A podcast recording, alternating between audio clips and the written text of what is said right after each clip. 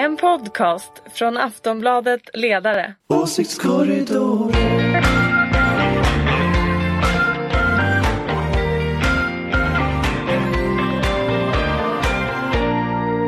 Välkomna tillbaka till eh, Åsiktskorridoren, Aftonbladet Ledares egen guide i tykonomin. Idag är Karin Magnusson upptagen på annat håll, så det är jag, Karin Pettersson, politisk chefredaktör för Aftonbladet som leder samtalet. Jag ska hålla mina försöka hålla mina egna åsikter utanför på uppmaning av paneldeltagarna. Med mig har jag som vanligt två av Sveriges vassaste politiska tungor eh, och pennor. Ulrika Schenström, legendarisk moderat superstrateg. Välkommen. Tackar. Torbjörn Nilsson, Fokus egen gay talis. Den, är, den, sit- den satt bra, eller hur? Den satt väldigt bra, det var en fin presentation. Ja. Tack så mycket. Och eh, Daniel Svedin från ledarredaktionen. du får stå för mina åsikter. Ja, vi får se. Ja, vi får se. Hörni, det är kort tid sedan vi sågs och ändå är det väldigt mycket som har hänt i svensk politik. EU-val, SCBs stora mätning och idag det stora allianskonventet eller korventet som, det var no- som någon sa. Men om vi ändå börjar med EU-val och SCB-mätningen. Hur har det svenska politiska landskapet förändrats den här senaste en och en halv veckan? Vad säger du Ulrika? Ja, alltså vi får, vi får nog dela upp lite grann då SCB och, och valet faktiskt. För det är inte riktigt så att det är samma sak. Jag tycker SCB ser ju ut ungefär som alla andra mätningar ser ut. Och den trenden som har varit att, att Alliansen ligger ungefär en 10 procentenheter efter. EU-valet det var ju naturligtvis en väldigt tråkig valutgång för Moderaterna och eh, det tål ju att eh, analyseras ordentligt och det måste man ju göra. Nu när SCB som kom igår också kan man ju titta mera på hur folk hur det ser ut regionalt. Du menar nedbrutna, de nedbrutna. SCB-siffrorna som kom och det igår? där, så Mm. det, så alltså en, en ordentlig analys när det saker och ting inte liksom går riktigt som man har tänkt sig är nog kanske det A och O faktiskt. Och det var ju egentligen det som eh, Moderaternas eh, genomlysningsarbete 2002-2006 verkligen också grundades faktiskt på att vi gjorde det väldigt gediget och under en väldigt lång tid. Tror du Moderaterna idag orkar göra samma typ av eh, ambitiösa arbete? Om man ska titta på det på lång sikt så är det ju ändå så att om man inte gör det arbetet så tror jag att det är ganska dåligt för helheten i liksom demokratiska rummet om man ska vara riktigt ärlig. För jag tror ju att regeringar måste komma och gå.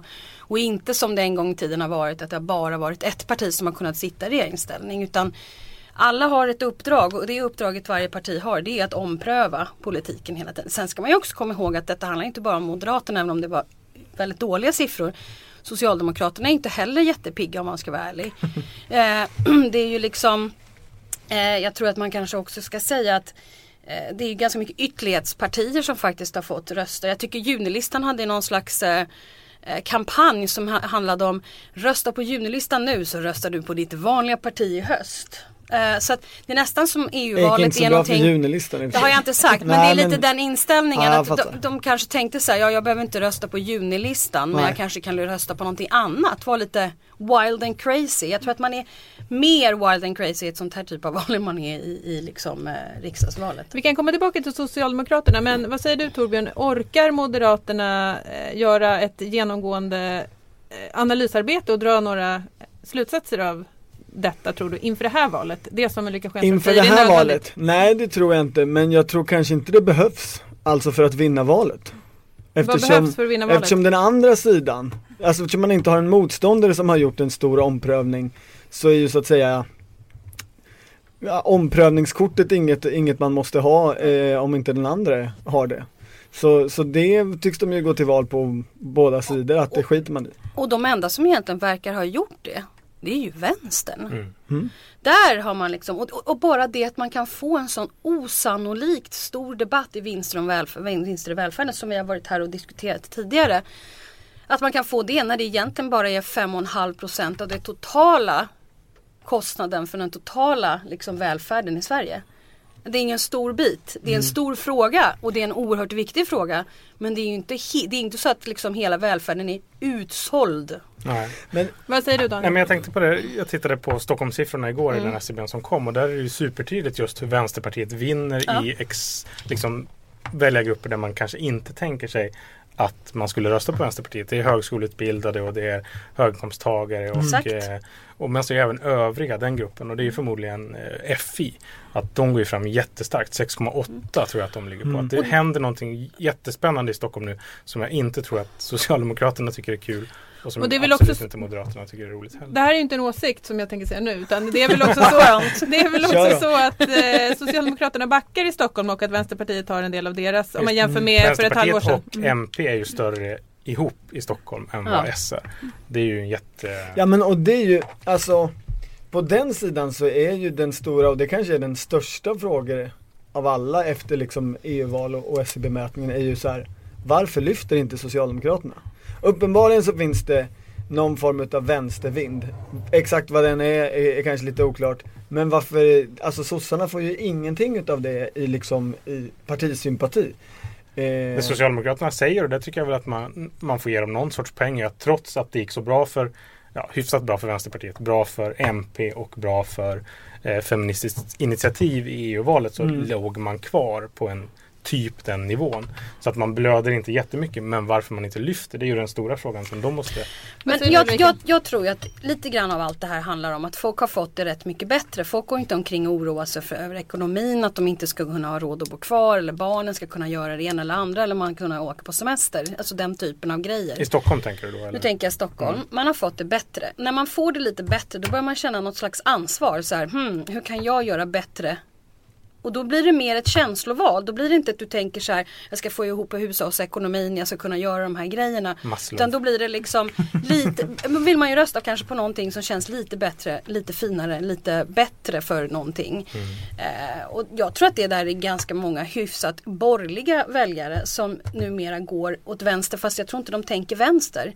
Jag tror att de tänker någonting det är lite grann som Folkpartiet hade en gång i tiden. Det var lite bättre, lite finare på något lite sätt. empatiskt. Sen tror jag att sossarnas absolut största problem det är ju att de ju har ju hela tiden spelat med Anders Borg. Framförallt eh, liksom Magdalena Andersson som nu är nerlurad i någon liten, liten eh, liksom dunkel eh, källare där, där hon sitter tillsammans med Anders Borg och, och, och bråkar om överskottsmålet. Någon slags fritzelgrej. Väldigt överskottsmålets egen dödsspiral. Ja. Men får jag fråga en sak om Fredrik Reinfeldt? Eh, för att hans analys på valnatten efter EU-valet var ju att eh, dels att folk hade röstat mot eh, eller för liksom, EU-fientliga partier och sen har han ju också pratat om liksom, att eh, det vänstern och, till vänster om vänstern eh, som är deras mod, Moderaternas motståndare nu. Men min fråga är så här varför behandlar han Miljöpartiet på det sättet? För det första tänker jag att folk kanske inte uppfattar dem idag som ett EU-kritiskt parti. Och för det andra så borde ju eh, om man vill vinna tillbaka liksom Miljöpartiet-väljare, är det en bra retorik?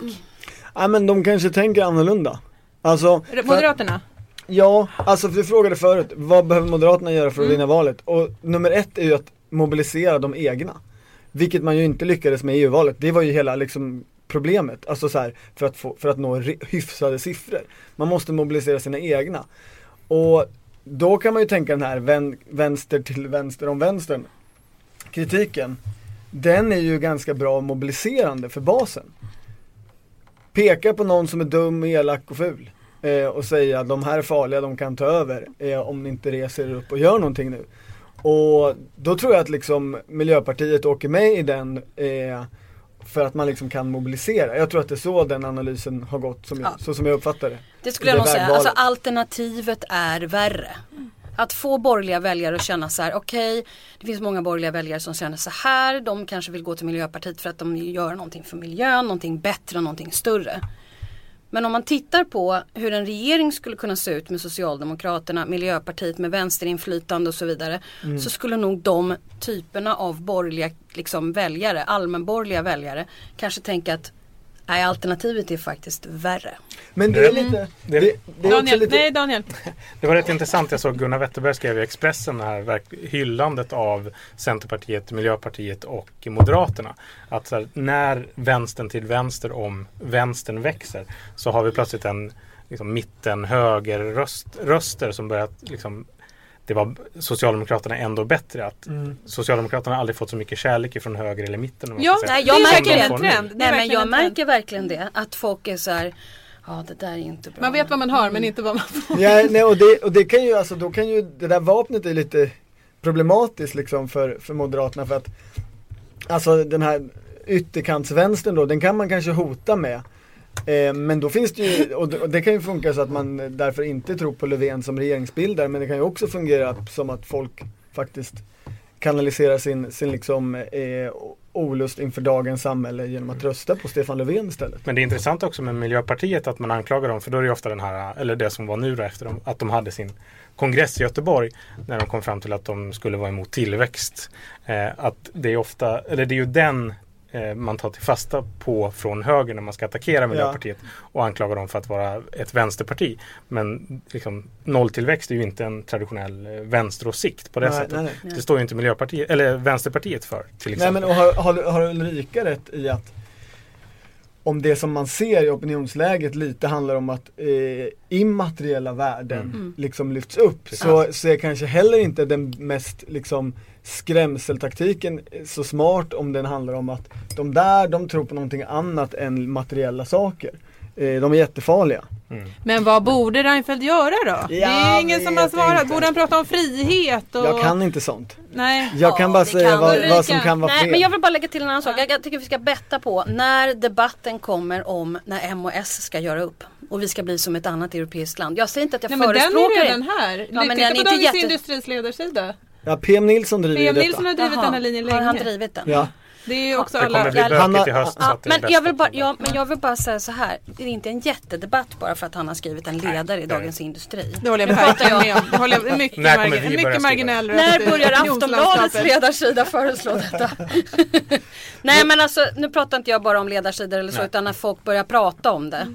Eh, för att o- oavsett vad så, även om jag inte kanske är någon förespråkare, jag tror att det är ganska komplicerat att göra det.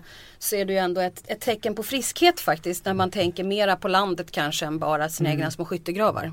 I det där så är ju, alltså Miljöpartiet som nu har haft kongress, de är ju väldigt spännande i det där för alltså, Karin, du, du börjar med liksom frågan om så här, varför skräms man med Miljöpartiet? Men det finns ju också en, ty, tycker jag så här, utbredd i Moderaterna liksom besvikelse över att Miljöpartiet har agerat som de har gjort eh, under Gustaf Fridolin och Åsa Romson. Man tycker liksom att man, vi har velat göra uppgörelser, vi har hyllat er, vi har pratat gott om er och det vi enda man får tillbaks är att ni börjar bedriva sossepolitik. Eh, och det, det har man ju, den, den, är, den är genuin liksom i Moderaterna, den irritationen. Så det Men- om förra mandatperioden handlade mycket om att här, Mona Sahlin ville knyta Miljöpartiet till den sidan om blockgränsen, vänster sida blockgränsen. Så har ju den här mandatperioden handlat om att Miljöpartiet har agerat på ett sätt som har gjort att de är verkligen där liksom. Och, Ja det är ju ett, av de, det är ju ett riktigt stort skifte i Ja, den, det det. under den här mandat- Alltså en stor sån här kontinentalplatteförändring på något sätt i svensk politik. som lite har skett i det tysta. Att, liksom. Som lite har skett gradvis i Mm. tysta med språkrörsval och kongresser och sånt där.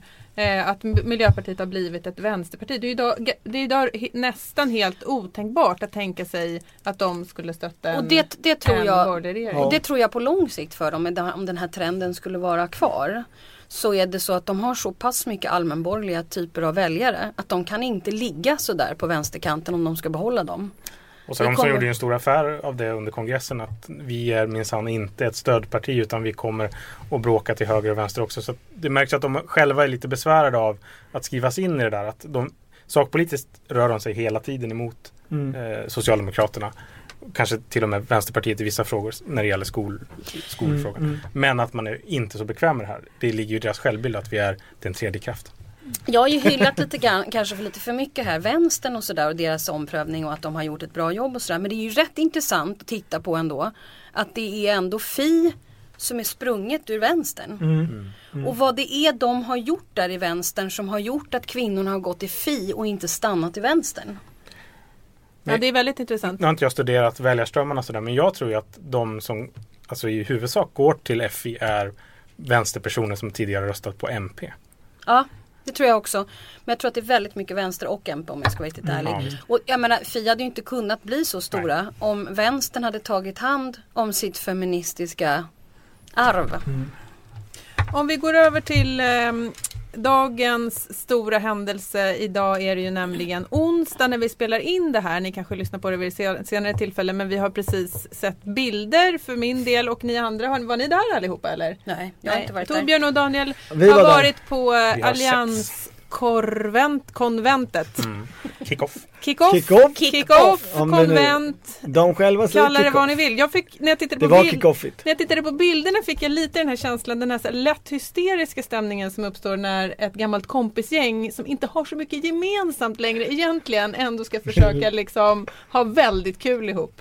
Ändå. Jag tänkte Var så det här. så Men eller? Men, men hur kan man ha kul ihop med massa media? Alltså om media är på dig, Ja. ja, så ska du ha lite kul ihop. Big Brother. Det Nej. var ju en rätt hysterisk Annars hade man uppvärmare. haft hysteriskt kul på riktigt menar du? Genuint hysteriskt kul var- utan media? Vi har ju jättekul när vi stänger av det här. Det var väl egentligen det stora. so. vad, säger du om uppvärmaren Daniel? Jag hade lite svårt att formulera mig för det var så absurt. Ja men det, det är ju någonting typiskt i varenda gång Alliansen ska göra någonting ihop och de ska visa att de är liksom ett regeringsfejt alternativ så ska det vara liksom inramningen av en brakpackad företagsfest. Och det ska vara liksom hysteriskt och det ska vara applåder och det ska vara sittans och det ska vara dunka-dunka. Sittdans! Ja, det var sittans. Och, och även Till lite 9 to 5. stådans. Och lite så. Men, men han, vi pratade om det, några journalister där på plats, att det här är ju en presskonferens. Ingen liksom plisa Nej men det är det jag menade, då är det jag menade. Plisa partigängarna. Nej. Varför har man en helt urspårad kille Nu måste vi gå tillbaka i historien för att förstå sådana här Ja, saker. berätta nu. Berätta. Nu är det så här Hur gick vänner. det till? Hur En Alla- gång i alla- tiden, alla tittar, en Ulrika gång i tiden kunde man ringa till TT och säga så här. Mm. Jag har hört att de ska ses på Maud Olofssons rum. Och sen var 300 journalister utanför Maud Olofssons rum där att fyra partiledare skulle ses. Mm. Så att det som ni tycker är någonting som är helt självklart, jag med, vi ser fyra partiledare på samma bild. Det var liksom en gigantisk grej före 2002, varje gång. Och jag tror att det är Men därför man, man, är kvar. i början? Jag tror att man är liksom- kvar i det där. Att man, nej men för jag tänkte så här att om de förlorar valet, alltså det här var ju en en uppvärmare som liksom tvingade alla att dansa tving, klockan 10 på morgonen. Eh, Han, han sa hela tiden också, han pratade ju om det som att det var på kvällen. Ja, han var ju redan mentalt Nu menar du den här galna konferencieren? Precis. Ja, Och det går att se bilder på Aftonbladet. konferencier? nej, det var oklart. Det var Ja. ett proffs. Det var Ja, det var någon inhyrd. Eh, I alla fall, jag tänkte så här. Och de, de går ju igång på det här, de här politikerna, så att jag tänkte att om de förlorar valet så skulle de liksom ha en bra möjlighet att starta en konkurrerande verksamhet Mm. till Friskis och Svettis. Fast de liksom är lite mer så här party, nykter party Fast här orienterad. policymoderat och Men, flåsade men det här är ju så typisk kick-off i och för sig. Det är ju det. Ja, jo, jo, absolut. Ja, och De de hade ju det. utlovat en kick-off så det, de, De har väl inte utlovat någonting annat än kick-off? Nej precis. Så Okej. de levererade vad de Men hade Men svara nu på min fråga. Hade de kul eller hade de låtsas kul? Eh, de hade kul faktiskt. De hade kul faktiskt. Okej, Eh, för på men- bilderna såg det ut som låtsas kul men jag var inte där. Nej, Det enda jag dock, kan dock säga- att Anders Borg inte klappade med händerna över Det huvudet. enda jag kan Nej. säga från Alla andra, bilderna inte faktiskt är att män med kostym Ska inte sitta bör inte sätta på sig allianströjor ovanpå det hela. Utan möjligen En ny under. klädkod, en ny moderat klädkod. I knew it. Där, där tog du den Hans. Poäng. Ja, det lanserades ju också en nyhet och 2020 är tydligen det nya... Vi måste säga 20. 2020. 2020 är Alltså det... det här sättet som, som svenska ledande politiker säger 2020 i strid med Okej. all form av språklig Ja. verklighet. Jag blir upprörd över det, det är en åsikt jag har, förlåt. Jag har tar alltså det till mig, jag tar, gör en pudel och jag säger för att 2020. snabbt, så snabbt som möjligt komma vidare Han hyperventilerar. För att så snabbt som möjligt komma vidare så bara säger jag den, jag ger den till dig och eh, 2020 är tydligen det nya 2014 för både Socialdemokraternas och Moderaternas stora vallöfte handlar ju inte om vad man ska göra under nästa mandatperiod utan vad som ska hända om sex år. Nämligen 2020. Då ska äh, Socialdemokraterna ha fixat EUs lägsta arbetslöshet och Moderaterna ska ha sett till att befolkningen i Sverige fortsätter växa så att eh, fler arbetar. Nej, nu är det oschysst. Berätta då vad, vad man lovade. Fem Nu la hon in sina åsikter där vara- igen. Ska ha sysselsättning och vara i jobb. Ja, och det betyder att man måste öka sysselsättningen. Kvarts miljon. Ja, fast givet oh, KIs prognos för blir befolknings... Ja, det blir ungefär samma. Man måste upp med sysselsättningen lite grann för att klara det här målet. I relation till Ja befolkningen. precis, och man hamnar på en, alltså En Tittar man i procent så har vi väl typ 80% i sysselsättning idag och man hamnar på 82 Ja. med det här 5 miljoner målet. Ja. Liksom. Men det här, vad är det här ett tecken på att man lovar saker 2020? Det handlar ju inte om vad man vill göra och ska åstadkomma under nästa mandatperiod. Det är ju ändå Ja det fast under nästa mandatperiod, man om. måste ju göra det. Ja, men Ja. tror du att det är en slump att det är sex år bort som målet ligger? Nej men varför skulle det vara dåligt att man håller på och jobbar på 5 miljoner, att må, nå 5 miljoner jobb och att man har ett mål. Det är väl bättre att ha ett mål än att inte ha ett mål. Ja, ja. Det var roligt, de fick frågor om så här, varför har ni inga delmål? När ska vi kunna utvärdera er på det här? Det är ju ett val till. Mm. Eh, men det hade de inga svar på riktigt utan det, nu, Jo nu men då det får så. väl väljarna eh, liksom säga något om det då på Mm. valdagen. Men vad tycker ni om målet då? Är det ett smart mål? Vinner eh, Moderaterna valet på det här? Eller Alliansen, eller vad de heter? Moderaterna? Eh, Jag tycker det, alltså, det här var en kick-off, jag vill återigen säga det. Jag, jag tror inte det har varit utlovat att detta skulle vara den stora dagen då alla de stora blivande kommande reformer skulle levereras. Det, det finns ju något ironiskt för liksom det här med att ha, alltså arbetssättet, ha ett mål som är konkret, är liksom satt i siffror. Det var ju någonting som liksom Göran Persson jobbade mycket med och sen så satte Stefan Löfven igång med en sån grej förra året tror jag det var, eller om det var och med Kongressen, längre. Mm. Eh, och då fick han ganska mycket så här kritik av, ja, ja men sätta upp ett mål, det kan vem som helst göra och liksom vara Han fick ägna ganska stor tid åt att liksom försöka rättfärdiga det här arbetssättet och varför det skulle vara bra. Så det är ju, och äh, Moderaterna och Alliansen har väl egentligen aldrig jobbat så mycket med sådana här siffersatta mål tidigare. Nej. Men Eh, är det inte så e- pass enkelt? Man har eh, tecknat in allt, i stort sett allt reformutrymme i den budget man har lagt. Det finns ingenting kvar. Man har svårt att komma överens om stora nya tag. Det är, lätt att, det är lättare att sätta upp ett mål på sex års sikt. Som inte ens faktiskt är speciellt ambitiöst. Ja men det som kom med Ja var ju men också nu kom satsningar. programledaren blev här helt Ja. Plötsligt det fann- ledarsidan igen. Det fanns ju med här liksom, Här blir bara bättre och bättre. Daniel, jag ger ordet till Daniel nu. Men det fanns ju med några reformer här hur man skulle nå det här målet och det var ju eh, skulle kosta 60 miljoner. Mm. Det var finansierat krona för krona. Krona för krona. Och det skulle då komma av att man eh, Fråga omdis- Magdalena Andersson, hon Ja, vill ja, också ja. finansiera allting krona Absolut, på krona. Absolut. Och det skulle då Ner i komma genom källaren. att man skulle då skicka om lite pengar inom Arbetsförmedlingen och så skulle det gå till Samhall på något sätt och så skulle man anställa lite fler folk där och sen så skulle vi ha 5 miljoner. Och det är klart att det finns ju inga pengar att göra någonting. Men jag Men nu tänker, måste jag fråga dig Ulrika, tycker du att, man, att vi borde överge överskottsmålet? Nej men jag tycker så här. Det är klart att det är jätteviktigt att ha ett överskottsmål. Det har vi också diskuterat ett helt program faktiskt. Men jag hade åtta punkter med mig och alla var jättestressade. Men jag tycker så här att en politiker är ju en person som vill förändra och förbättra.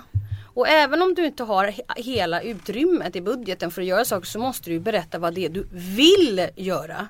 Man kan både ha ordning i statsfinanserna samt säga att om vi skulle få si och så mycket över så skulle jag vilja göra det här. Det är liksom, det ena utesluter inte det andra.